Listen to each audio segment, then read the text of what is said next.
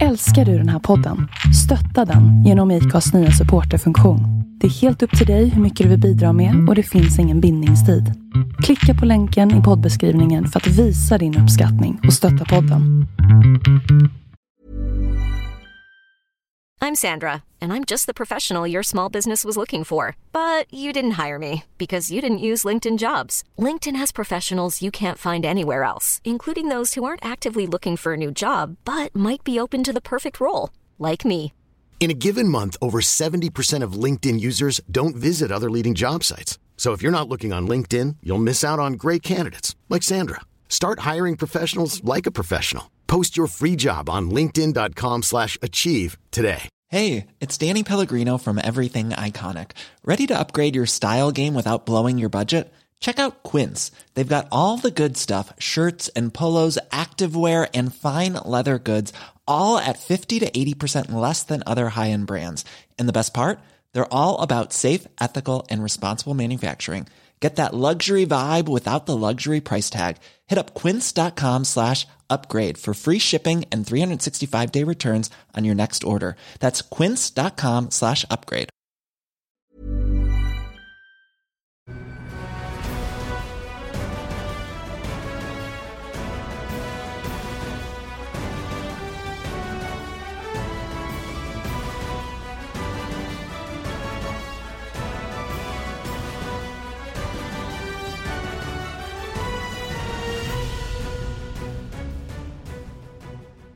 Hej! Välkomna till eh, MotoGP-podden. Det är dags för ett eh, nytt avsnitt och eh, vi står här återigen och eh, snackar om det som hänt senaste mästerskapet och det som ska komma att ske. Men först och främst, eh, Andreas Mårtensson, hur eh, är läget med dig idag? Eh, nej men det är bra som vanligt tycker jag. Eh, söndag kväll står vi här och poddar. Ja, Det är kul. det är roligt. Det står och låter förra racet sjunka in. Ja, det är ganska bra med mig också. Jag har eh, haft en halvledig helg. Det var speedway igår. Eh, bra speedway-race ifrån eh, Manchester. Var det, det lag-VM fortfarande? Lag-VM fortfarande och eh, andra kvalkvällen. Betydligt bättre speedway den här gången var det. När är finalen då? Eller vad, hur kör man? Ja, det är det som är udda. Det är ett upplägg, eh, det var kvalkväll igår, det var kvalkväll för en vecka sedan. För en vecka sedan var det Sverige bland annat som tog sig vidare.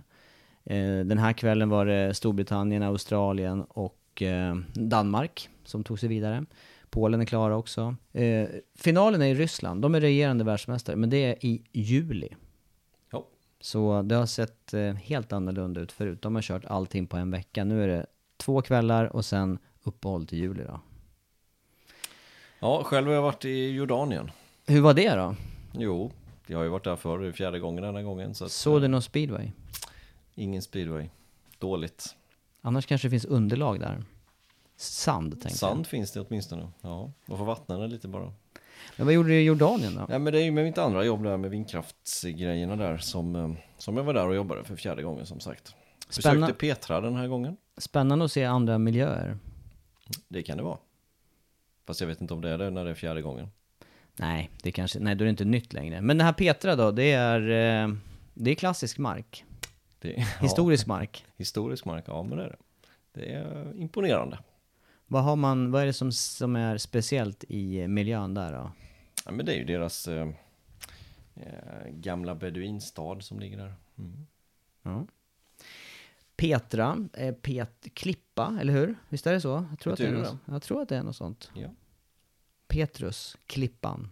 Den här... eh, Byn där i alla fall som ligger utanför, den heter Wadi Mhm. Ja. Ja. För den intresserade, om det är någon som vill åka dit, ska Ja. ni göra det. Ja, det är annorlunda upplevelser förstår jag. Jag har aldrig varit i det området överhuvudtaget. Borde kanske åka dit för eh, historien då. Möjligtvis. Kanske. Och på tal om historia, lite närmare i tiden så ligger ju eh, den senaste racehelgen. Det var ju då vi eh, jobbade tillsammans senast, eh, Jerez. Och första Europaracet. Ja. Ehm, ja, bra race ändå, tycker jag. Visst var det det? Ja, framförallt så var det ju ett eh, väldigt intressant kval tycker jag och väldigt förvånande kvalresultat där med, med dubbelt Petronas Yamaha och Mark Marquez i första startled. Ja, exakt. Eh, hur gick det här till? Jag blev nästan lite chockad faktiskt, måste jag säga. Ja, jag med. Jag, pole position var ju för mig eh, vikt åt Marquez. Ja, ja, men det var det för mig också. Men sen så lyckades då Qatar och ta den istället och eh, men som han gjorde den helgen, helt otroligt faktiskt. Jag är superimponerad och vad kommer det här sluta i? Ja, det, nu, är det, nu är det full fart på spekulationer hur långt Qatar kommer att eh, gå eller hur, hur, hur snabbt han kommer att på allvar utmana Marquez. Min känsla under racet här, om inte det här tekniska problemet hade uppstått för Qatar, det var ju att han skulle kunna försvarat den här andra platsen. Kanske inte satt press på Marquez som seger, men han hade ju, han matchade ju farten där i mitten på racet. Ja, men det gjorde han. Eh, en andra plats precis som du säger, hade han ju kunnat att ta. Absolut, jag tror inte att de andra faktiskt hade hängt med honom där, alltså Rins och company. Men jag tror inte det. Det såg väldigt, väldigt bra ut. Eh, men sen så var det ju någonting med länkaget då som, alltså växellänkaget var det inte så? Någon quickshifter, eh, någon, någonting där som, som gick sönder. Han fastnade på treans växel, så var det i alla fall. Ja, det går inte att växla sen om, Nej. om, om länkaget där, men konstigt fel ändå. Ja, mycket konstigt och det, det jag kunde läsa efteråt det är ju att, eh, att de, jag menar, man, man har ju klara riktlinjer för hur länge delarna sitter Ja, och hur, hur ofta man byter saker och ah, ja, ja det, lät, det lät lite märkligt att, det, Ja. att det är något sånt som ska gå sönder. Jag har ju också lyckats med sådana där saker emellanåt. Och det, det har egentligen, det beror, i min erfarenhet, nu vet jag inte exakt hur den här prylen ser ut, jag har bara sett hyfsade bilder från den, men, men egentligen två anledningar. Ett, att man har kraschat och böjt till den och att det i så fall skulle återanvändas och, eh, och gav vid ett senare tillfälle. Mindre troligt skulle jag säga i det här, i det här sammanhanget i och med att vad jag vet så har inte Qatar gått omkull någon gång. Och om han gör det så byter man delar. Det är en helt annan ekonomi i deras än vad det var i min satsning om man säger så. Jag kanske böjde tillbaka grejerna. Ja. Nummer två är att man inte riktigt har gängat in grejerna ordentligt. Så att det sitter med för få gängor. Och att det därav släpper eller går av Ja, då? går av kan du göra. Om du sitter med en eller två gängor, så vad, vad kan det vara, M6 eller något liknande. Ja, jag har bara haft erfarenhet av, men det har ju varit riktiga sådana eftermarknadsgrejer och att det har eh, kanske varit för stumt monterat, att det har liksom varit för, eh, ja, för stor påfrestning när man har, när man har växlat då, så att det inte har hållit av någon anledning då. Men, ja, jag, jag, jag har lite svårt att, att se vad det här skulle vara för någonting. Faktiskt, faktiskt. Vi måste försöka ta reda på det.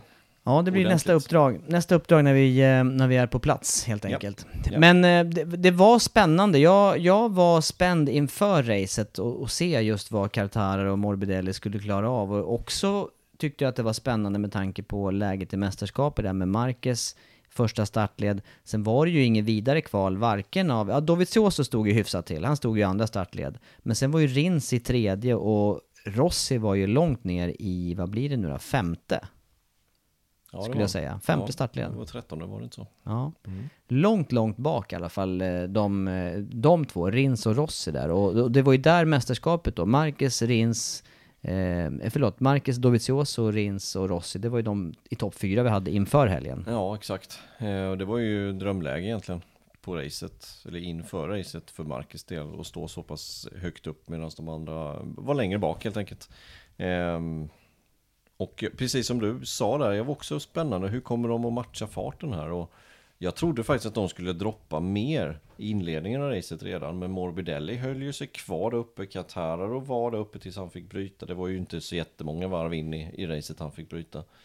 Ehm, Nej men de satte tyckte jag en, en eh, vettig press på Marcus första delen utav racet där och det var ju verkligen ingen utav dem som gav sig någonting utan eh, de var ju, de var ju i, i bakhjulet på honom hela, hela tiden. Ja, hyfsat i alla fall. Eh, och sen så när, när Morbidelli började tappa tempo, då gick ju Qatar upp direkt och, och tog sig förbi och fick en lucka direkt också. Eh, så att tempot fanns där faktiskt. Men sen droppade det lite för mycket för Morbidelli än vad jag trodde faktiskt. För det, inledningen så såg det ut som att ja, men det här kan nog bli en pallplats för Mor Morbidellis del. Men det gick ganska snabbt bakåt sen. Eh, mitt minne också var ju att det blev lite, det, det blev, eh, han höll uppe då ett, en, ett koppel före bakom där som fick jobba lite grann för att ta sig förbi då. Då blev det den här luckan under Ja. tiden då fram till, till Marquez och även Cartaro lyckades ju få lite luft där. Han lyckades där. Lyckades där in, innan, det, ja, innan det stannade helt enkelt för, för Ja, honom. exakt. Mm. Men då, gruppen här bakom då, då hade vi då eh, till exempel eh, Dovizioso som gjorde en riktigt bra start. Men han, eh, han hamnade lite i trafik där i inledningen på första varvet redan. Ja, men, men jag tyckte inte han hade farten. Speciellt inte i inledningen. Han höll på att ta en pallplats till slut och ta sig förbi Vinales, men det var heller det var inte, all, det var inte riktigt nära för uh, Dovizioso. Han var ju mer den som som höll uppe dem bakom. Alltså det var ju svårt att köra förbi honom och det, det fick ju även, det, det, var ju när Rins sen när han skulle ta sig förbi Dovizioso, det var ju han som hade extrema problem att göra det. Då gjorde han det till slut ner i kurva 9. Ja, det var ju så du sa där. Nu är det ja. dags att attackera på ett annat ställe, ja, för innan dess var det ju in mot kurva 1. Vill jag minnas, något varv innan. Eller var det nere i kurva 6 kanske? Ja, jag tror det var in, in i sista svängen faktiskt, kurva 13. Ja, det kanske det var. Ja, men då blev han Ja, då blev han nog omkörd liksom, in i kurva 1 igen. Vad är de säger? Engelsmännen, sitting duck eller vad säger de? Mm, exakt. Uh, ungefär så var det faktiskt in i kurva 1 och i kurva 6 fanns ingenting att göra utan det var tidigare på varvet så han får en lucka. Och precis samma sak fick ju Rossi erfara när han skulle förbi Miller. Det var ju också extrema problem. Men de, de som fightade som mästerskapet där, Marcus fick ju till slut då luft och, och hade eh, möjlighet att ta segern till slut. Men det var ju också en bra uppkörning utav Rins och Rossi gjorde ju också en bra uppkörning med tanke på förutsättningarna. Ja, absolut. Nej, men det är ungefär vad man hade förväntat sig ändå. Liksom, man har blivit bortskämd med Rossis, Rossis fart under söndagen och jag hade förväntat mig att den skulle vara ungefär där den blev faktiskt. Eh, vad blev han till slut? Sexa? Sexa, ja.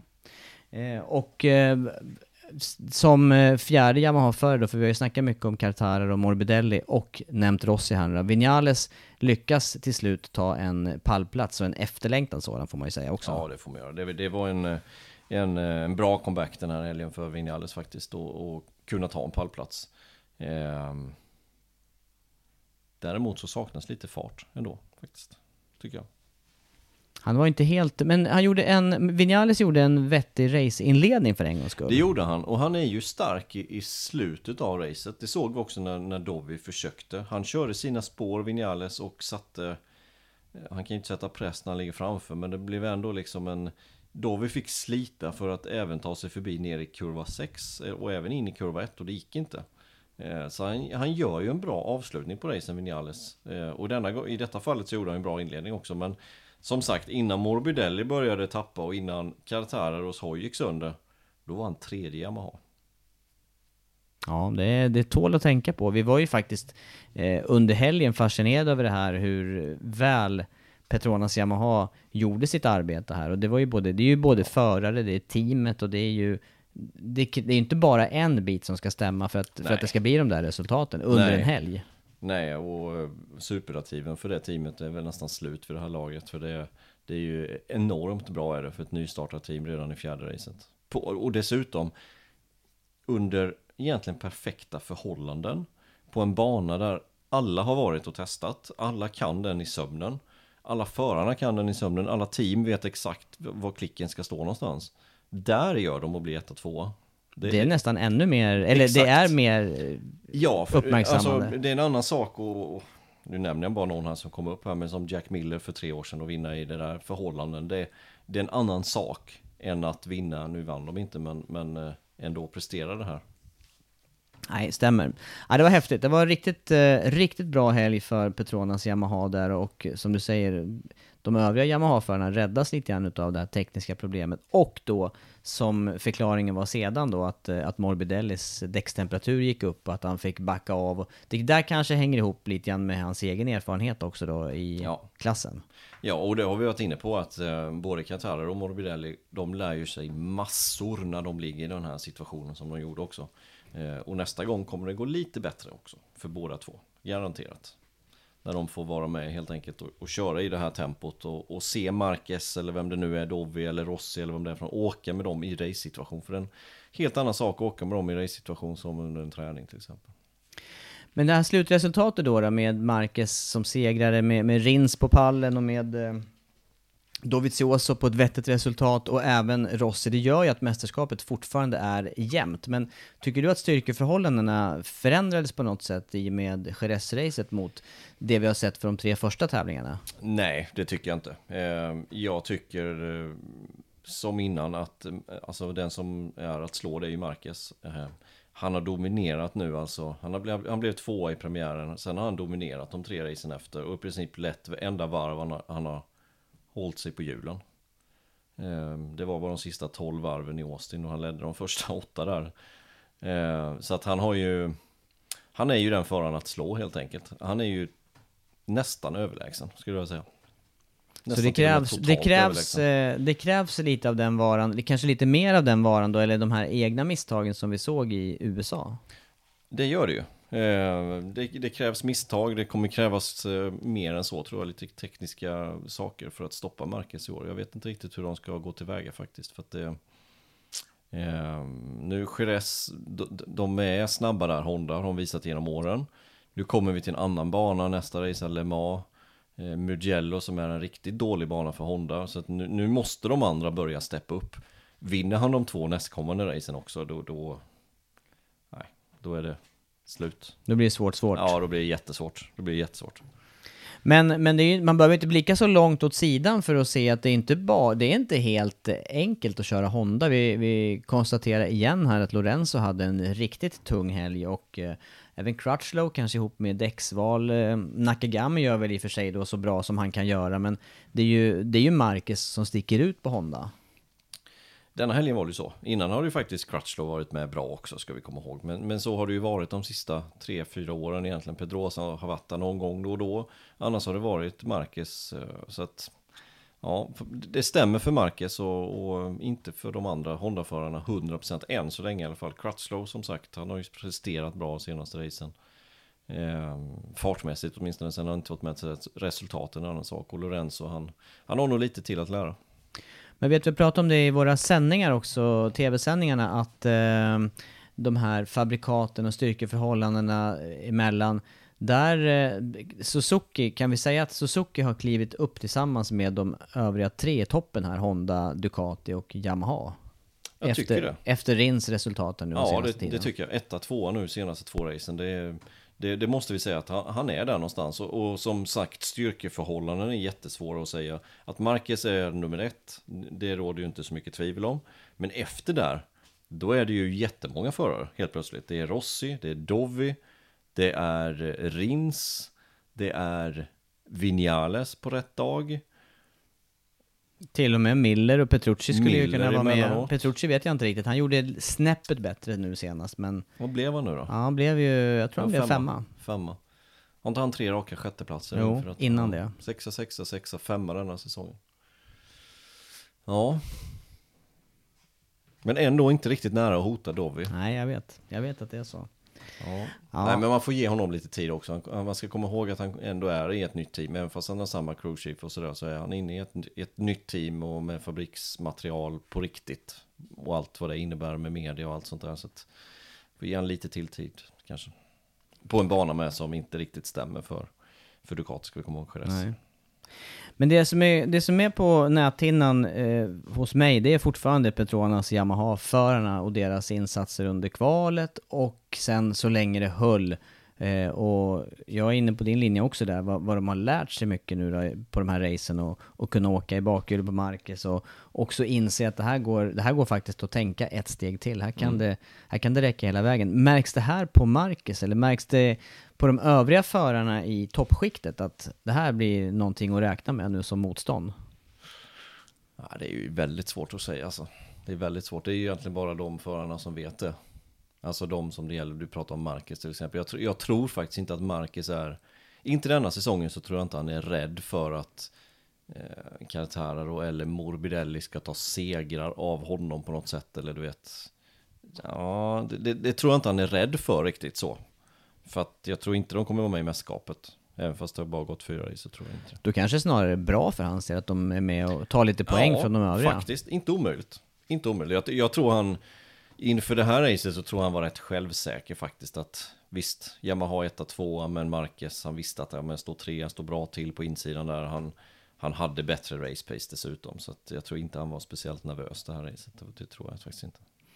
Vi konstaterar ju också efter racet att det var betydligt eh, snabbare fart i det här racet. Eh, det var, det var lägre totaltid på racet, det var också mindre differenser faktiskt mellan, Yamaha har tagit kliv då till, eh, till den här eh, säsongen. Och eh, jag vet inte hur mycket man kan tillskriva underlaget på Jerez just det, men, men det är jämnt mellan fabrikaten och eh, som du säger här, bakom Marcus så är det egentligen ganska öppet vilka som kan ta topplaceringar. Det är det. Gjorde du den här jämförelsen med Rossi då? Eller att Rossi var någon sekund snabbare i år än förra året? Ja, jag tror även att det gällde andra före som var i, eh, ja, ja, Möjligtvis Vinales också kanske då, om du jämför Yamaha där. För att jämför man Rossis tid, visst han var någon sekund snabbare än förra året. Eller en sekund närmre Marquez i år än förra året. Men också Marquez körde ju på framhjulet nästan tänkte jag säga. Nej men han körde ju väldigt, väldigt långsamt över mållinjen. Tappade 2-3 sekunder sista varven. Så att, ja, ja, kanske blir svår jämförelse där. det blir ju det. Att, men total, jag tror, jag tror totalracetiden var betydligt snabbare Den kan säkert vara snabbare, men det beror ju på, på asfalten Ja, och, det och sådär. det var, så var det. Det var ju lägre varvtider generellt. det var det faktiskt. Ja, men eh, vi, vi kanske måste vänta lite till då innan vi kan dra några tydliga slutsatser utav eh, läget bakom Marcus i alla fall. Ja, det vill jag nog påstå. Eh, Det är jättesvårt att veta var Dovi är någonstans. Att Rossi är med där, men han får inte ha så här dippar som han hade i Jerez. För där, där var han ju långsammast eh, Yamahan. Eh, och, och det går inte om man ska vara med i mästerskapet. Det funkar framförallt inte med den startpositionen där. Det, ju, det, det går ju inte. Och där måste ju Rins också förbättra sig mycket. Det måste han göra. Men, men Dovi också förra racet, han var ju också där nere på 13. Så att eh, alla de här, de har ju lite att, att fila på när det gäller kval där. Alla de tre som ligger nu och jagar Marquez, alltså Rins, Rossi och Dovi. Eh, då har man inte råd med att stå nere i, i femte startled. Och som sagt, Rins måste ju också höja sig på kvalen, definitivt. Han är ju med sen ordentligt. Han skulle, han skulle kunna varit den i helgen i, som skulle kunna hotat Marquez om han hade stått där uppe. Vettig startposition. Ja, i pool och, och liksom hotat Marcus första varvet. Ja, jag längtar också efter att få se det här och, och du har ju också flaggat för, eller sagt att eh, det ska bli intressant att se när, när Vinales och Marcus har sin man mot man fight. Det har vi inte heller riktigt sett. Det är helt ännu. otroligt är det ju detta. Nu går vi in på tredje säsongen för Vinales i Yamaha och fortfarande inte fått sett den. Konstigt. Ja, det, det är konstigt Att faktiskt. de inte kan pricka samma fart samma helg. Kanske kan komma nästa helg då på Le Mans, som har varit Yamaha-bana nu, några år. Det har det varit. Han tog ju segern här för två år sedan dessutom, Vinales. Och eh, Honda har ju haft ganska problematiska race där. Faktiskt senaste åren. Marcus där för två år sedan. Gjorde den där hög, eh, högkraschen där in i kurva, vad blir det? Det blir kurva två egentligen in i första chikanen där på Le Mans. Förra året så vann han väl. För mig. Nu ställer du mig nästan, det borde jag ju ha kollat upp Ja, inför nej, men jag, jag tror att han vann där för Dovi kraschade ur sig och ehm, Nej, jag är bara tyst. Jag, jag, kan, jag kan varken säga bu eller bä på det här. Men du, eh, någonting annat då som stannar kvar på näthinnan efter eh, Jerez-helgen? Eller eh, ska vi lämna det bakom oss? Ja, testerna. Ja, testerna kan vi gott gå vidare med. Var ju testet Eh, på måndagen. Test var det dagen efter och där, där så ja, börjar vi toppen där så backar ju Kartarer upp sina tider och, och han kapar dem ju dessutom. Det gick ju ännu snabbare på måndagen. Det är i och för sig inte så ovanligt men han gör det igen alltså. Han gör det igen och han filade ju sitt varvrekord som han satte där på kvalet. Men vad var det? En, 3, 4, 5 tiondelar? Något sånt där. Var det körde inte 37,3 om inte jag minns Ja, det var, det fel. var, det var flera tiondelar, det var det, Det är ju helt otrolig varvtid. Riktigt, riktigt snabb varvtid. Och ehm, ja. Men vad gör detta nu då? Nu, nu är det ju... Det var test. Han var grymt snabb under helgen. Han hade pool. Han låg tvåa i racet han fick bryta. På något sätt så blev det liksom en, en eh, ögonöppnare för hela MotoGP-världen vad Qatar kan göra. Nu får han två veckors vila här. Så kommer han till sitt hemmarace. I Frankrike. Vad, vad gör det då med en 20-åring? Jag har träffat honom några gånger nu har vi ju sett honom på lite närmare håll och eh, jag slås av ändå hur pass lugn han är. Nu har han ju ännu inte gjort de här riktiga toppresultaten. Han har varit snabb men han har inte fått med sig det i någon poängutdelning eller raceresultat. Men frågan är vad som händer när, när det blir raceresultat och hur mycket, hur mycket det ställer extra krav på honom själv då. Men jag, jag slås av i alla fall hur lugn och avslappnad han har varit, i alla fall i de situationer vi har sett honom. Ja, Nej, men jag håller med. Jag tycker också han verkar väldigt lugn och harmonisk och verkar verkligen kommit till rätt team också som tar hand om honom på rätt sätt. Och det behöver han nog.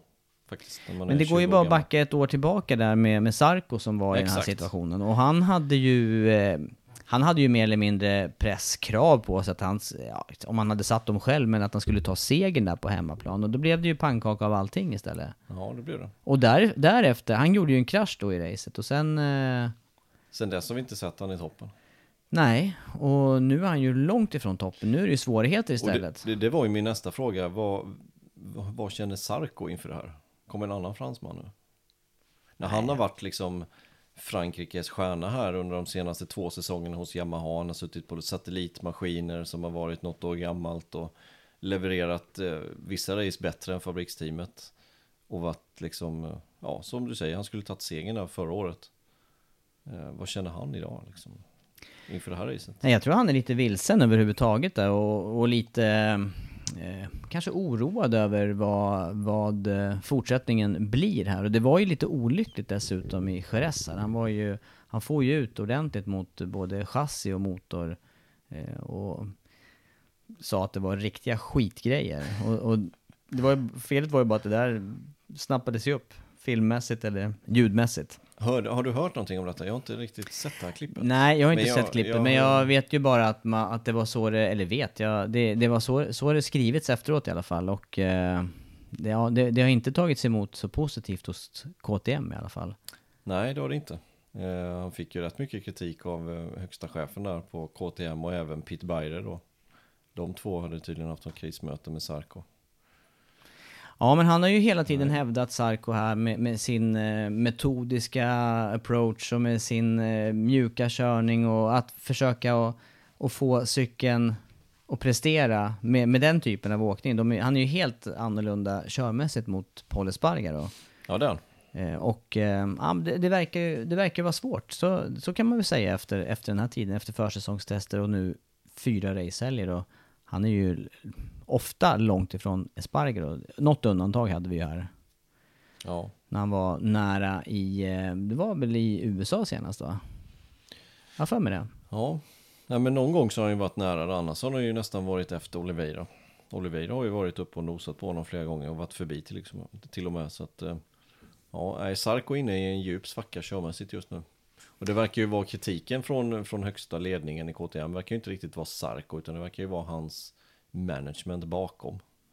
Han bröt ju med den här eh, managern där, vad heter han? Förlåt. Eh, ja just det, Laurent Felon. Ja, precis. Och, Och att det eh, då ska vara en anledning till hans nya crew där, inte riktigt stämmer överens. Ja, nej det är, inte, det är inte bara material, det är även mycket psykologi i det här och jag tänker i alla fall att det där eh, med att Le Mans närmar sig igen och eh, då att Qatar gör de här resultaten, jag, jag tror inte att det höjer Sarkos Nej, prestation. jag tror inte heller det. Snarare tvärtom. Snarare tvärtom ja. Tror du Sarko blir kvar i KTM hela året ut? Är det så illa tror du? Nej, vad tror du? fråga, fråga tillbaka, det är alltid enklast. ja, säsongen ut. De hade ju mycket tålamod med Bradley Smith som visade sig inte vara så tokig i jämförelse med, alltså tidsmässigt har, det har det ju visat nu i efterhand då. Eh, Att, eh, att det stod sig bra, men eh, om man hade mycket tålamod med Smith, jag tror att man har säsongen ut åtminstone med Sarko. Ja, han har ju tvåårskontrakt. Mm, han har ju det. Ja. Nej, det får nog inte gå kräftgång överdrivet mycket till. Det tror jag inte. Nej, inte med den satsningen de gör, men det är ju det är så pass stor satsning så att man måste ju, eller måste och vill naturligtvis ha resultat och någonting tillbaka utav det. Och sen går det heller inte att, att tappa tålamodet lite som han egentligen gjorde nu i Jerez. Och, och, och göra de här uttalanden till exempel efter fjärde racet när det inte riktigt fungerar. Eh, Det är ju någonting KTM inte vill höra. Om det är någonting de vill höra så är det inte, då, då hör de ju hellre tvärtom. Att hojen är skitbra men jag presterar piss dåligt. Det är ju bättre Sarko säger i så fall. För märket är det ju För märket är det ju då. Ja, visst är det så. Det går ju inte att- komma med den approachen efter fyra race. Då får man ju, det, kan, det kanske man kan göra efter en säsong och säga att man är långt efter eller, och jag kan inte ställa om eller vad det nu kan vara för någonting. Nej. Ja. Nej, men i övrigt då efter testerna här, vi konstaterar i alla fall att eh, Quartararo backar upp sina tider, farten visar han igen. Och i övrigt så är det ju inte så mycket som släpps informationsmässigt vad de testar. Eh, Vet att eh, Marcus körde fort på, på det chassi och den cykel som Bradel hade med från, eh, från testdivisionen.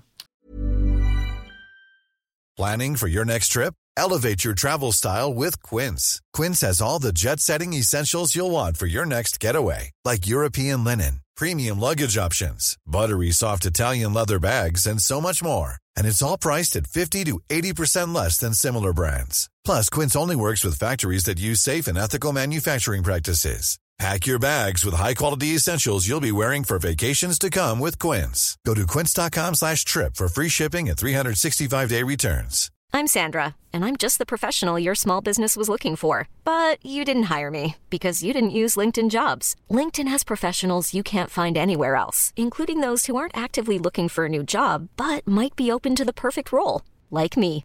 In a given month, over 70% of LinkedIn users don't visit other leading job sites. So if you're not looking on LinkedIn, you'll miss out on great candidates like Sandra. Start hiring professionals like a professional. Post your free job on linkedin.com/achieve today. Hey there, it's Michelle Norris. I'm host of a podcast called Your Mama's Kitchen. When I travel, I'm usually looking for a way to find a taste of home when I'm not at home. And one of the things I love to do when I am at home is entertain. And Airbnb allows me to do that. When I was in California recently, I rented a house that had a great kitchen. And when we were sitting around the table, we we're all thinking, we're in someone else's house. Someone could be in all of our homes as well. If you have a home, but you're not always at home, you have an Airbnb. Your home might be worth more than you think. Find out how much at airbnb.com/slash host. Ja, det verkar ju vara någonting nytt med det chassit på något sätt. Eh, kolfiber, det såg vi även under helgen att det var kolfiberskydd på den. De har väl någon typ av, de labbar väl helt enkelt som alla märkena gör och eh, han satte sin snabbaste varvtid med den cykeln. Så att någonting har de väl hittat där. Eller så, ja, så ville de sätta bäst tid med den med minst soppa i tanken och bäst däck på. Ja, det är det man inte vet Nej, när det gäller tester. Men, men eh, klart var också att Lorenzo hade fortsatt eh, lite tuffare fartmässigt. Två krascher hade han inte det under Ja, testet. dessutom. Precis i slutet efter målflagg om inte jag läste fel också. Inte bra.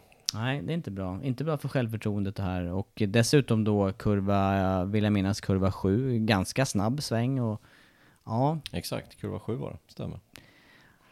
inte så bra för Lorenzos del. Och Yamaha fortsätter och ja, säger varken bu eller bä känns det Nej, som. nej. De testar sitt i egen, egen regi utan att släppa så mycket. Ja. Ja, vi släpper de testerna då och så, så tycker jag att vi hoppar vidare här istället och eh, jag tänker också, vi ska väl, eh, vi ska väl blanda upp det här med, eh, med lyssnarfråga också. Vi har eh, haft lyssnarfrågor i våra poddar, eh, blandade kring eh, teknik och kring eh, allt ifrån tear-offs till eh, eh, ja, vad har vi haft? Startanordningar på Ducati och, eller teknisk utveckling. Men eh, Andreas, jag vet att du har någon lyssnarfråga som du gärna tar med i den här sändningen. Ja, men vi har fått in lyssnarfrågor faktiskt på våran, från vår hemsida motorgppodden.se. Där finns det ett formulär, där kan man ställa frågor. Man kan även mejla till oss om det är någonting annat man eh, har på hjärtat. Eh, men då har vi fått in en fråga från eh, Natasha som eh, jag tänkte att Tobias, du kan börja svara på den här. Det Jag är krä- helt oförberedd alltså. Ja, du är helt oförberedd på den frågan. Det krävs ett eh, ganska utläggande svar. Jag vet att du kommer svara rätt här, så det är liksom inte så. Men ehm, fundera på en sak angående Lorenzo. Presterade inte han dåligt under sin första säsong med Ducati också? Behöver han längre tid än de andra förarna för att köra sig in på sin cykel? Eller är det något annat som spökar för honom? Oj! Och jag ska svara rätt på det här säger du? Ja, jo men det- visst var det så? Ja men det tog ju tid för honom. Så var det ju, det vet ju jag också. Ja. Och ehm, eh, det går kanske att dra paralleller här med eh, vi kanske bara ska hoppa tillbaka nu då till, till Sarko som har bytt märke här från Yamaha också. Eh, Lorenzo körde ju Yamaha direkt och tittar man nu historiskt här på, på de förare som har haft det lättast. De flesta förare som har haft lättast att komma in i MotoGP har ju åkt Yamaha. Eh, men Lorenzo var ju verkligen en av de förarna, tillsammans med Rossi då, som, eh, som utvecklar Yamahan till att passa hans körstil, om man säger. Det, ble, det blev ju hans signum där med hög kurvhastighet och precision i körningen och mm, vi såg ju knappt eh, Yamaha röra sig under Lorenzo när han körde. När det, när det gick som snabbast, då var ju det, det var ju verkligen knivskarp körning. Eh, och sen då byta fabrikat och byta till något helt annat, en annan filosofi och och eh, mm, ja, där, eh, där tror jag att Lorenzo kanske har eh, svårare än vissa andra. Jag skulle ju till exempel då kunna, jag, jag, skulle ju tro att Marcus skulle ha lättare att klara ett märkesbyte än Lorenzo som förartyp. När man tittar på hur Marcus flänger runt på den här Hondan och den är lös under honom och den går lite hur som helst och så. Och då, och då blir det ju, eh, Eh, ja, om, om Lorenzo ska få den känslan som han eh, vill ha då, som han har haft hos Yamaha i många år, då tror jag att han eh, eh krävde längre tid och mera utveckling eller input från sig till Ducati för att få det att funka. Och sen vet vi ju också det här med, med hög kurvhastighet och, eller vet vi, jag tänker mig att han också kräver mycket förtroende från cykeln med här med känsla från framändan och, och ja, för, att, för att bibehålla den här farten genom kurvorna. Som gör att, ja, har han inte den känslan, då kör han verkligen inte fort. Med de här mått mätt. Mm. Nej, men jag tycker det är väldigt bra utförligt svar. Jag tycker samma sak. Um, han, eh, jag förstår precis den här känslan att man måste ha en perfekt hoj för att kunna leverera bra resultat. Medan andra förare kan sitta på vilket skit som helst egentligen med vilka inställningar som helst. Det spelar inte ingen roll. Och så kör de hyfsade varvtiden ändå. Där är inte Lorenzo. Utan får han en cykel som inte är inställd för honom. Då hade han blivit sist. Men, ja, och man kan ju även Nej, säga... Ja, jo, ja, ja, ja, jag tänker under Han är inte här. med då liksom. Nej. Och, och, det är ju också det här... Det är lite motsägelsefullt, för han, då, vid det läget när han gjorde sin krasch på assen och, och skadade axeln där, då var han ju faktiskt snabb i svåra förhållanden just vid det tillfället. Men sen har han ju nästan inte visat, uppvisat det någonsin. Och det är ju en sån där annan sak då som kommer in, när, när det är några yttre omständigheter med, med väder eller ojämnt eh, fäste eller någonting då trivs han ju inte heller riktigt. Nej, inte på... Ja, det var en period han inte gjorde det. det ja, jag, vet jag vet att det också har svängt lite. Ja, det har svängt tillbaka lite ja, tycker jag, just faktiskt. den. Men ja. just när det är när, när det är halvdant, där är han fortfarande inte hundraprocentigt bra. Men när det är fullt regn nu så tycker jag att han presterar på, ett, på en hög nivå fortfarande. Kom ihåg den första gången, jag tror faktiskt han ledde med Ducati, det var på Misano. Då ledde han med en sådär 3, 4, 5, 6 sekunder när, han, han gick omkull? Ja, när han fick sin highsider där, i regn dessutom. Ja, ska vi inte glömma. Eh, men det dröjde också, vad är, vad är Misano på kalendern? 12 racet, 13 ja, racet? Efter sommaren och in, in i hösten? Ja, eller? det är ju i september någon gång. Det är, det är någonstans där 12-13 racet på säsongen. Det var ju då första, första säsongen han körde hos Ducati, det var då han började leverera. Eh, och sen så vet vi ju alla hur det gick från race nummer 6 året efter, alltså år nummer 2 hos Ducati. Då vann han två race på raken. Både Mugello och Barcelona. Och sen vann han ett till på Red Bull Ring. Um, så att speeden finns ju när det väl stämmer för honom. Men ja.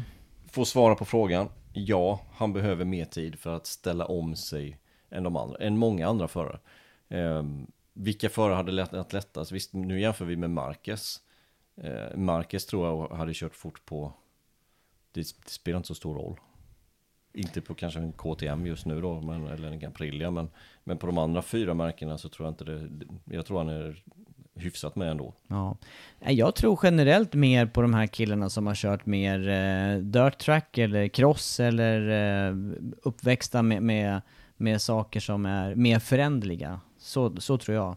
Utan att, ja. utan att ha några vetenskapliga bevis för det där. Men man ser i alla fall eh, den typen av förare kanske inte blir allra snabbast alltid, men de, de hanterar olika typer av cyklar och underlag på ett annat sätt.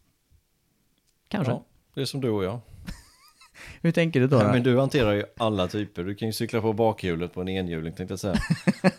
ja, det, ja, det kunde jag nog nästan göra om det hade gått. och, och jag klarar ju ingenting. Jag klarar ju knappt att åka på bakhjulet. Men du är ju jävligt snabb på asfalt. Ja, jo, jag är ju det. Ja. Alltså när det väl stämmer så är, kan jag ju vara hyfsat snabb. Ja. Eh, men jag är, jag är ju ingen allround-förare på det sättet som, som du är. Bättre Nej, än å vad jag andra är. sidan är jag kanske sämre på den här, då är jag inte den här Raw Lorenz... speed. Ja, Ja, ja, Det är det jag menar. ja. Men Ja, ja. i vilket fall som helst så har ju Lorenzo en extremt hög högsta nivå när det stämmer för honom. Det ska vi ju inte ta ifrån honom. Nej, och jag, jag tror ju att det här kommer han att eh, reda ut. Eh, med Honda alltså. Ja, det, det tror jag också. Nu har det gått fyra race, eh, som sagt. Med Ducken så ledde han då efter sitt 12-13 race någonstans där. Eh, han har rätt många race kvar dit. Och vi ska komma ihåg att han hade ju en eh, blytung höst. Han gjorde illa sig här under vintern. Han har missat massa viktig testtid och så vidare. Och den, den kom han inte riktigt ikapp här under säsong. Nej, nej det gör man inte.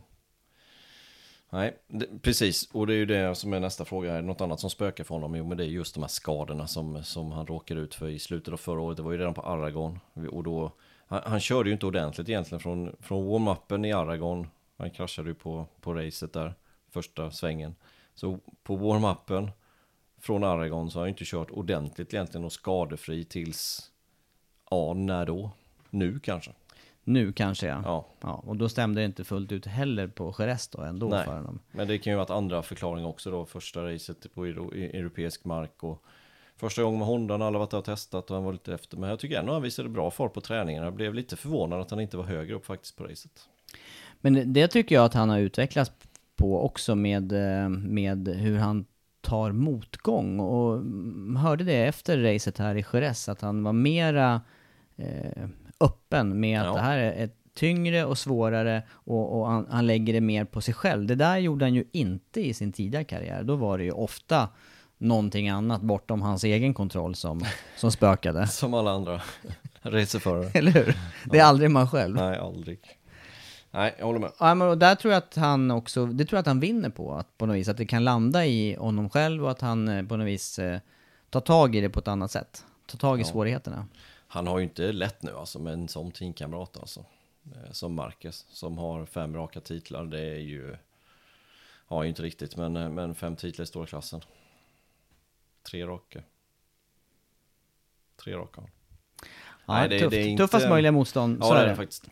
Det, det är en annan sak ändå det också, just psykologiskt. Skulle jag påstå. Marquez som teamkamrat eller Dovi som teamkamrat. Skillnad. Ja, det, jag hoppas att det, det här blev utförligt svarat på Natasha och att du är nöjd med, eh, med eh, det svar du fick här utav, det här är ju vad vi tror och tänker och det är ju inte, Det är inte facit. nej det är inte facit Nej. heller utan eh, det är vad vi tror och tänker. Men det här kan ju leda oss in på nästa punkt här med, med eh, litet svep när det gäller eh, nyheter och saker som händer runt MotoGP då efter Jerez och eh, mellan eh, Jerez och Le Mans. Eh, någonting som jag har noterat och faktiskt höjde lite på ögonbrynen åt när jag hörde, det var det här att eh, Dovizioso ska köra, hör och häpna, fyrhjulsracing. Han ska ju åka DTM för Audi. Och det är också nu här, mitt under racesäsong. Ja, jag Vad säger blev du också, om det? Nej, jag, jag trodde det var ett eh, aprilskämt först faktiskt. Jag trodde de firade de, eh, ja, så kallade första april i Italien nu. Det var ungefär så jag trodde faktiskt. Eh, men sen visade det sig att så var det ju inte. Utan han ska verkligen göra detta. Och det var väl mellan, Bars mellan Mugello och Barcelona. Så någonstans runt eh, 7, 8, 9 juni måste det vara då. Mm. På Misano. Och då är det, det, är race alltså, det är deras, och det är ordinarie mästerskapet och han, det här, det här är ju tester och sånt inför och det är, eh, det här, ja. Man skulle väl köra deras gästbil på något sätt. De har väl någon som de då lånar ut till vissa stjärnor eller ja, vad det nu kan vara för någonting. Eh, Ekström har väl kört den där bilen någon gång tror jag, Audis också.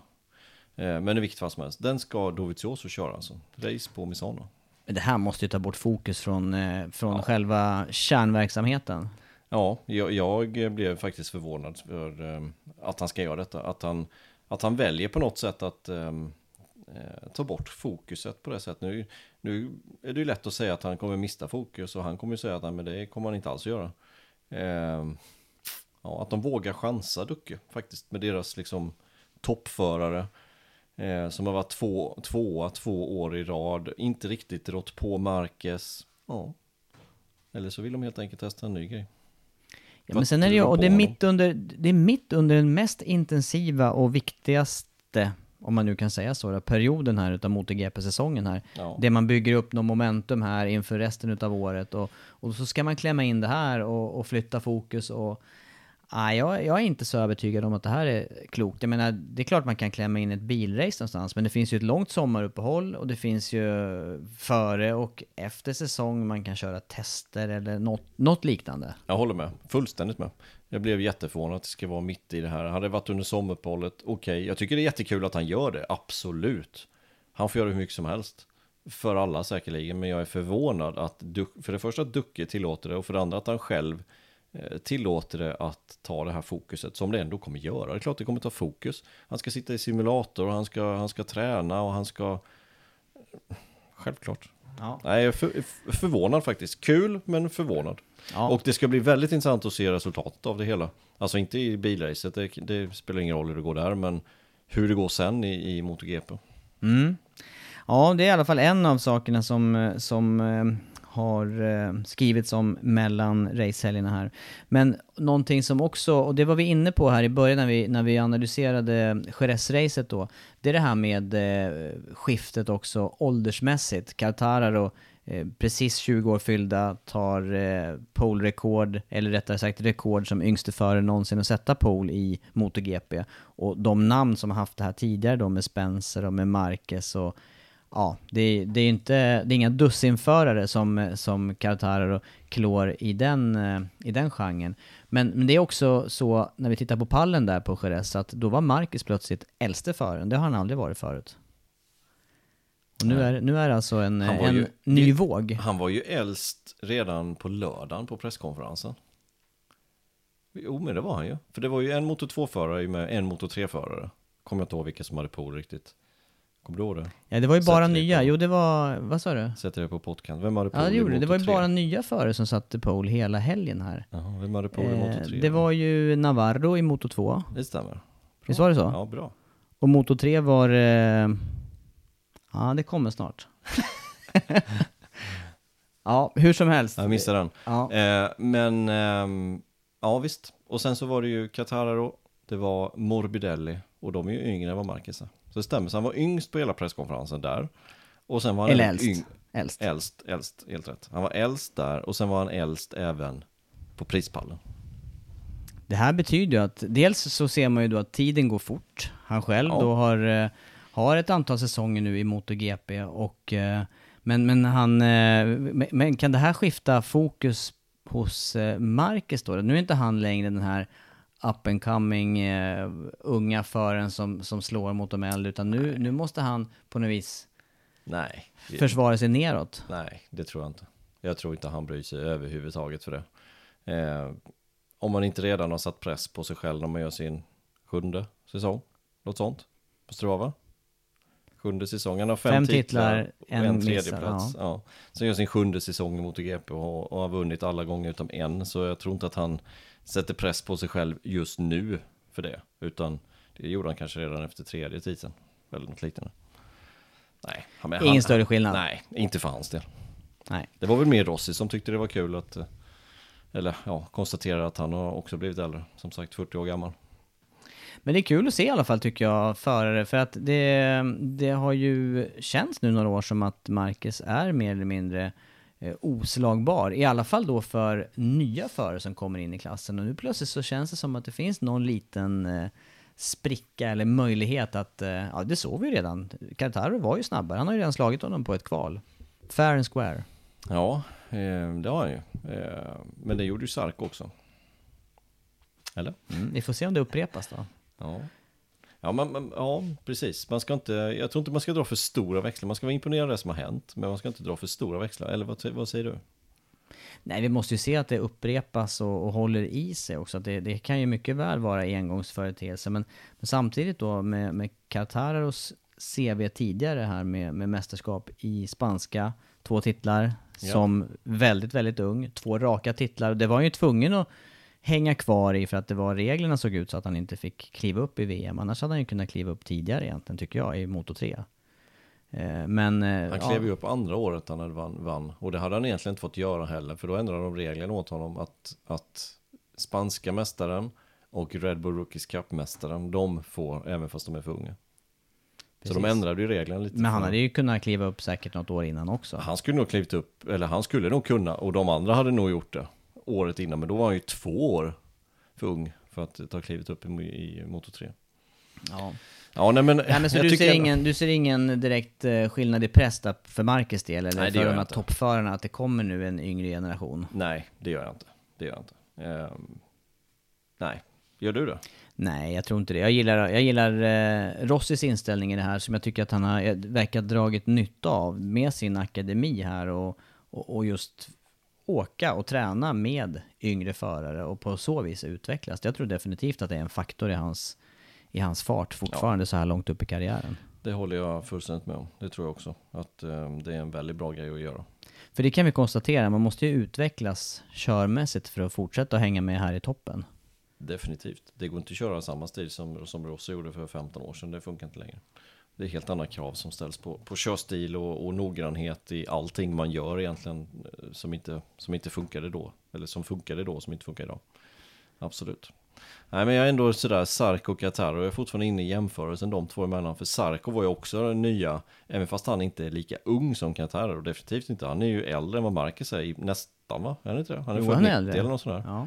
Och Marcus född 93 så, att, så att det skiljer ju tre år plus där på Sarko. Men han, var, han, syntes, han, han sågs ju också som en nu kommer äntligen någon som kan utmana Marcus. Eh, när han slog till med pole position. Gjorde han inte det till och med sitt första race? Eller han ledde ju första fem varven i sin... Qatar. Ja exakt, han hade inte till och med pole där. Jag kommer inte ihåg men... Du, du känns det som att vi har spekulerat om tio olika saker här. Ja, inte varit, exakt. vi har inte varit fullt säkra, men eh, det, Nästan det, det, det går, ja, nästan säkra. Det här är nästan helt säkert. Nästan helt säkert. Men i vilket fall, han sågs ju också då som en... Ja. Men det, är- det är någonting med fransmän och Yamaha och satellitcyklar. kanske. Mm. Vi kanske får svar på det då om en eh, vecka här när det är dags för Le Mans och hemmarace Tänk för, om man går vinner. Ja. Tänk om man går och vinner. Ja. Då, går det, då det kommer det spräcka alla, vad heter det? Jag tänker på åskådare. Det var ju över 100 000 förra året där. Jag hoppas att det blir bra väder kommande helg. Ja.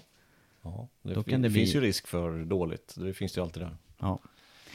Ja, men det, det, det är om yngre generationen förare och Dovizioso då. Men en nyhet till tycker jag vi ska lyfta och det är eh, också att, eh, nu hoppar vi lite spår här och byter spår, men Silverstone förnyat kontrakt och där ingår det ju då i den här kontraktskrivandet att eh, det blir ny asfalt där. Det var ju, det var ju riktigt eh, katastrof förra året. Ja, det var det verkligen. Eh, inställt race. När hände det senast? När sa vi? Någonstans i Österrike på början på 80-talet eller något liknande. Och då var det snö. Ja, 1900 kallt, passar bra att säga där. Ja, ja precis. Eh, så att, nej men en ny asfalt, det var ju så, så var ju tanken. Och den ska alltså asfalteras. Och det är inte gjort än, men det ska göras. Och vad jag hörde så var det representanter på plats från Silverstone i Från, från förra årets asfaltsläggarfirma trodde jag. Ex- ja, precis. Men ett steg högre, alltså Ja. ansvariga helt enkelt, besökte Jerez. För där var ju också ny asfalt till 80% ungefär. Det var några svängar som inte var om- omasfalterat. Ehm, för att helt enkelt att det, den firman som gjorde det där ska också få jobbet på Silverstone. Så förstår jag det som. Eh, och det är ju en bra grej, kan man ju tycka. Mm. Ja, där var, det, det fanns ju inte ens en, eh, det var ju inte en tillstymmelse till ojämnhet. Vet, nu såg vi ju för sig inte hur det såg ut där under blötblöta förhållanden, det gjorde vi ju inte. Nej, det gjorde vi inte. Men det kan ju inte vara så dåligt som det var på Silverstone. Det var ju total katastrof. Såklart. Så att, eh, eh, nej men det, jag tycker det är kul. Var det inte kontrakt till 2022? 21? Ja, det är flera säsonger framåt Flera i säsonger fall. framåt i alla fall. Jag tycker det är kul faktiskt. Jag tycker Silverstone är en, eh, en bra bana. Jag skulle gärna besöka det racet någon gång också. Jag har inte varit där. Det säger ju förarna också. Jag har kört race där, och inte på den här sträckningen dock, men det är ju en full stor bana. Det är ju en riktig MotoGP-bana där man får sträcka ut. Det är ju flera raksträckor där det går riktigt fort och det är Ja. högfartspartier och det är... Ja, den, den banan har lite av allt faktiskt. Och nästan lika många svängar som det är på, i Austin. Ja, faktiskt. Så det är klart att den, eh, den, den passar ju som GP-bana, men, Ja. men det går ju inte att ha det på det sättet som det såg ut förra året där. nej, nej. Nej, vi Det- får det hoppas, att, lämnar vi. det, Det vi hoppas, hoppas det att det är en asfaltsfirma nu då med, med eh, bra CV som får lägga asfalten där. Inga inhemska från ön. Nej, de borde ju å andra sidan kunna det här med, med asfalt för regn, tycker man. Ja, det regnar rätt ofta. Det gör det. Ja, det gör ju det. Stämmer. Ja, det är om eh, nyhetssvep och eh, då tycker jag vi blickar framåt mot nästa racehelg och det är eh, några vardagar bort. Eh, teamen eh, kommer på plats på i mitten av veckan här på Le Mans och sen eh, drar igång som vanligt med för-event på torsdagen och sen är det då första friträning på fredag och som vi har varit inne på fokus lär ju vara mycket på Qatar och det måste det vara när det är hemmaplan. Ja, det måste det vara. Eh, och frågan är om det tar fokus från hans del eller om det stärker honom istället, 20 år gammal. Eh, jag tror inte att han bryr sig nämnvärt faktiskt, om jag ska vara helt ärlig. Jag tror att han är för ung för att bry sig, faktiskt. Eh, några år äldre, då bryr man sig mer, tror jag. Eh, nej, det ska bli väldigt spännande. Väldigt spännande att se hans, eh, hans fart. Och dessutom så är det ju spännande fortsatt i mästerskapet, så att även om Marcus gick och vann senast, så, så var ju de övriga förarna eh, i toppen av sammandraget med där, med Rins på pallen, med Dovi just utanför pallen och Rossi räddade en massa poäng också, så att det är fortsatt jämnt i mästerskapet. Ja, men det är ju det. Eh, och Marquez som sagt, som jag sa innan, han har ju lett han, led, han ledde han inte alla varv i Argentina, han ledde alla varv i Austin tills han kraschade. Han ledde alla varv i Jerez. Det tror jag inte vi får se den här gången faktiskt. Jag tror inte han kommer få det lika lätt. Eh, jag tror Dovizioso kommer vara betydligt eh, mer på den här gången faktiskt, eh, den här racet. För nu är det mer, han kraschade från ledning förra året ska vi komma ihåg, Dovi, nere i La Chapelle. Mm, under Dunlopbron och sen ner för backen där ja. och där gick han omkull. Och det är ju mer start och stopp-karaktär på den här banan än vad det är på Jerez. Med deras mer långa svängar på Jerez hade ju mer bromsa, stenhårt, vända, åka tillbaka, bromsa, stenhårt, vända, åka tillbaka. Och det är flera ställen som är sådana på just den här banan. Så det, det borde stämma bättre för Ducke. Och det borde stämma mindre för Honda. Och Honda generellt sett har ju haft ganska krångligt på den här banan. Eh, krasch för två år sedan och sen så har vi inte kollat upp här men jag tror att han tog segern förra året Marquez. Eh, men då försvann också Dovizioso så att ja. Och dessutom så har det här varit en bana där Yamaha varit starka. Kom ihåg den här var sista varvet, fighten för två år sedan där mellan, ja. mellan Rossi och Vinales. Ja, och då var de ju i över, överlägsen ledning. Um, så att um, det har varit en stark Yamaha-bana. Det har det varit. Jag tror det kommer bli, bli, bli betydligt jämnare eh, än vad vi har sett de, de förra racen. Det tror jag. Och det tycker jag ändå är lite märkligt, det är lite motsägelsefullt, för det är som du säger, det är lite start och stopp-karaktär. Det är eh, ett antal raksträckor som är förbundna med, med ja, korta till medellånga kurvor om man tittar på, på bansträckningen då. Så att, eh, ja, e-, egentligen borde det vara lättare att hålla ihop ett startfält då på den typen av bana som ja, Jerez är, tänker jag. Faktiskt. Men, men jag tror också att det kan bli ett jämnt race här och att just fabrikaten har kommit i det läget att det är jämna styrkeförhållanden just på Le Mans här. Ja, och Jamma måste ju helt enkelt få till sin acceleration. Det är viktigt när det är start och stopp. Ehm, den måste de få till bättre. Det har de ju klagat på nu i, i flera år att det är just där som problemet är. Ehm, och ja, vi får se om förhållanden kanske kan vara på, på Yamahas sida. Vad skulle en, hur skulle en drömhelg se ut för dig då? Rent eh, resultatmässigt här. Ska jag tippa mer nu eller? Nej, du behöver inte tippa utan jag tänker mer utifrån... Eh... Vi ska tippa dock. Ja, det, det kanske vi ska göra. Ja. Um, nej men jag vill ju se jämna race. För mig spelar det ingen roll vem som står i pool eller vem som vinner eller någonting. Jag vill se klassiskt jämnt race avgörs i sista dubbelhögen. Gärna någon som går på insidan och trycker till någon annan lite grann. Schysst, men tät racing. Det vill jag se. Sen spelar det ingen roll vem det är. Om de är röda, blåa eller eh, orangea eller vad de är för färg på dem. Där är jag av samma åsikt och jag, jag vill också ha gärna då de här omkastningarna poängmässigt som vi såg då i och med att eh, Marcus gick omkull i USA tidigare. Han kanske behöver den här typen av motgångar för att hålla mästerskapet eh, jämnt poängmässigt. Ja, alltså jag vill inte se misstag av Marcus. Jag vill att Marcus är med och jag vill att han ska fightas för att, eh, att vara med i täten. Jag vill att, helt enkelt, jag vill att de andra höjer sig. Det är dags nu för de andra att höja sig.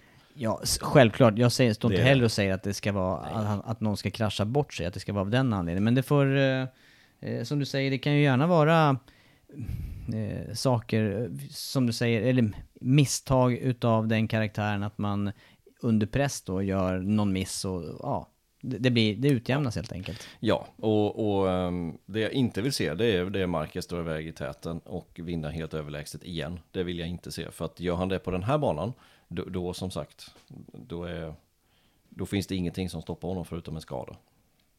Nej, för efter Le Mans sen så ligger eh, Mugello och, och sen är det Barcelona eh, och därefter Assen Och sen innan sommaruppehållet också Sachsenring. Ja, och, och det som kommer nu det är ju tre dåliga banor för Honda och för Marquez. Där, där historiskt sett så har det inte gått super, super bra på de här tre banorna. Eh, så det är det jag säger, de måste upp och störa honom nu i fart. Eh, om de ska ha med mästerskapet att göra. Och det är då Dovizioso passar på att testa lite DTM.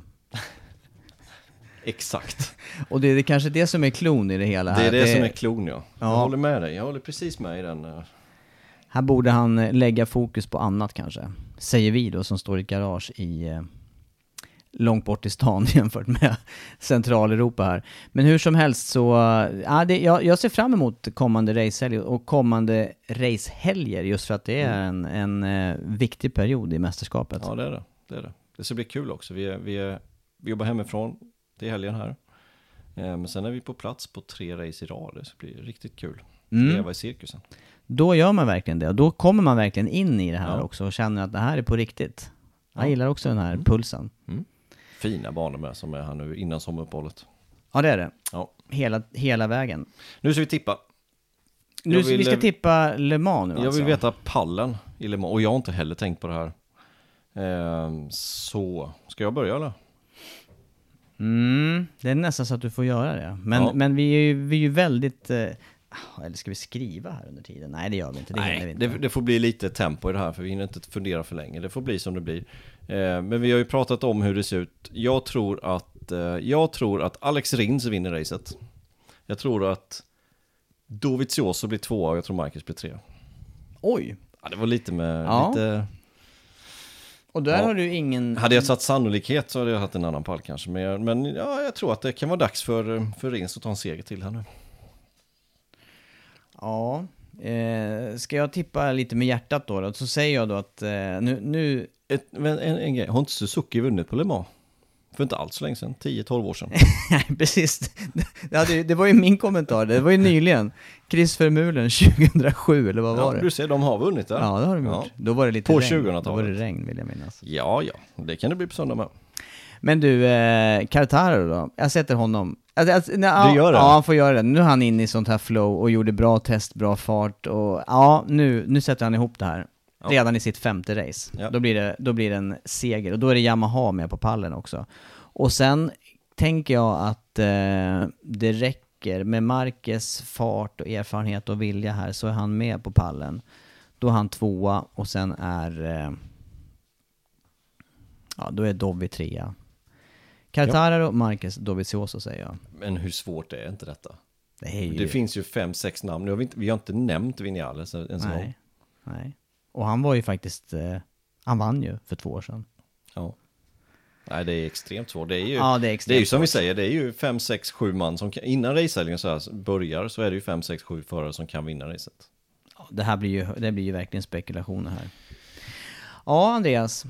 Ska vi avrunda det här nu då? Ja, vi gör det. Häng med oss i alla fall under helgen. Det tycker jag, eh, den här, det här mästerskapet är det man ska följa i eh, racing-sammanhang. Jämna, täta, spännande race och eh, Le Mans är alltså bara några dagar bort. Vi tackar för den här eh, podden så länge och så hörs vi längre fram.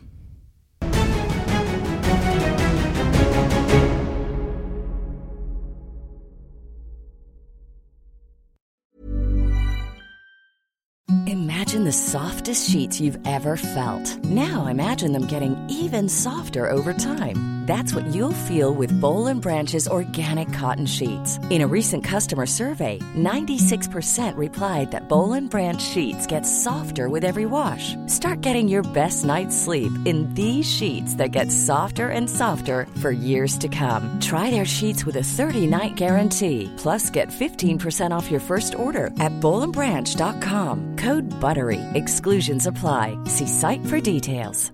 Ever catch yourself eating the same flavorless dinner three days in a row?